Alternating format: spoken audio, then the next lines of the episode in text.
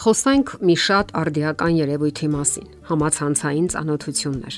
Պետք է խոստովանել, որ համացանցային ծանոթություններն իրականություն են։ Ոչ քիչ երջանիկ ծանոթություններ դառնում են իրականություն, իսկ նրանցից որոշներն ավարտվում են հաջողված ամուսնությամբ։ Իսկ անհաջող ամուսնությունների պատճառները նույնն են, ինչ ցանկացած ձևով կայացած ծանոթությունների դեպքում։ Եվ այնուամենայնիվ, անհրաժեշտ է նշել, որ համացանցային ծանոթությունները որոշակի վտանգներ են պարունակում, որոնք անհրաժեշտ է հաշվի առնել։ Հասկանալի է, որ համացանցը լի է ամեն տեսակի հնարավորություններով, եւ այնտեղ կարելի է գտնել ամեն ճաշակի եւ բնավորության տեր անznավորությունների։ Սակայն եթե ձեր նպատակը լիարժեք հարաբերություններն են եւ կայուն ու հաստատուն ընտանիքը, ապա հարկավոր է խորաթափանց եւ շրջահայաց լինել։ Հարկավոր է գտնել այն ոսկե միջինը, որը թույլ կտա ձեզ հավասարակշռություն պահպանել անկեղծության եւ զգուշավորության միջև։ Հարկավոր է ներկայացնել այնպիսի տվյալներ, որոնք որոշակիորեն կբնութագրեն ձեզ եւ միևնույն ժամանակ կարող են այնպես անել, որ չդառնաք հնարավոր խափեփաների հեշտ թիրախը, ովքեր կօգտագործեն ձեր անկեղծությունն ու բնավորության դրական որակները։ Միշտ հիշենք, համացանցում քիչ չեն այնպիսի անznավորություններ, ովքեր ժողովրդական լեզվով ասած ձուկ են որսում պղտոր ջրում։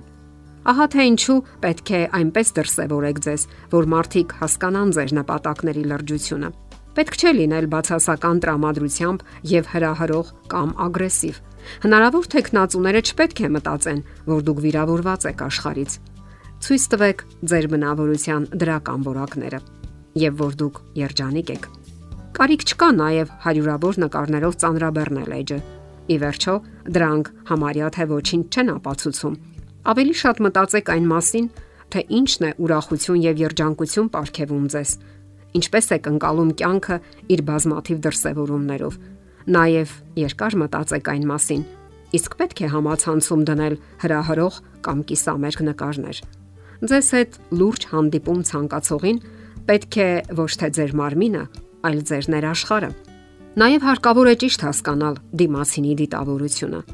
միանգամից հարկավոր է մի կողմ դնել նրանց, ովքեր որոնում են թեթև հարաբերություններ եւ չեն ցանկանում պատասխանատվություն ու ծանրաբեռնվածություն պահանջող հարաբերություններ։ Այդպես դուք կխնայեք թե ձեր ժամանակը եւ թե նյարդերը։ Համացանցն այն վայրն է, որտեղ գործում են իսկապես լուրջ մտադրություններով կանայք եւ տղամարդիկ։ Հարկավոր է գտնել հենց նրանց։ Եթե դուք զգում եք, որ հարկավոր է արգելափակել այս կամ այն անznավորությունը, որ նա նյարդայնացնում է ձեզ եւ անլուրջ դիտավորություններ ունի, երկար մտածելու կարիք չկա։ Հարկավոր է պարզապես արգելափակել նրան։ Կարիք չկա նրան բացատրել կամ գնալ պարզաբանումների, գնալ բանավեճերի, փորձել պարզաբանել, թե ում կենսական փիլիսոփայությունն է ավելի ճիշտ կամ ավելի գեղեցիկ, ավելի կենսունակ։ Հիշեք այն པարս ճշմարտությունը, որ հնարավոր չէ դուր գալ բոլորին։ Ինչ որ մարդիկ կարող են դուրս չգալ մեզ եւ չի բացառվում, որ մենք էլ դուրս չգանք ինչ որ մարդկանց։ Նաեւ հասկանալի է, որ ոչ մեկս ինչ որ բան պարտք չենք հազիվ ծանոթացած մարդկանց։ Սա կյանքն է իր բոլոր հնարավորություններով։ Չէ որ աշխարհում շատ կան բացասական տրամադրություններով մարդիկ, ովքեր տհաճ մեկնաբանություններով եւ կոմենտներով հեղեղում են համացանցը։ Հարկավոր է թեթևորեն հրաժարվել նրանցից։ Իսկ պահպանել ծանոթությունը թե ոչ, արդեն դուք եք որոշում։ Եվ ինչքան ժամանակ։ Իսկ եթե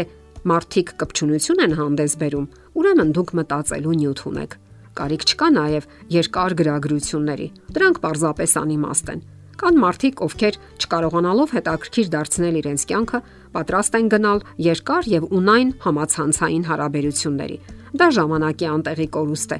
Այդ դեպքում պետք է փորձեք խոսել հեռախոսով Հոգեբաններն ասում են, որ ընդամենը 5 րոպե հեռախոսային զրույցի շնորհիվ դուք կարող եք հասկանալ ավելին, քան մի քանի կիլոմետրանոց գրագրությունների շնորհիվ։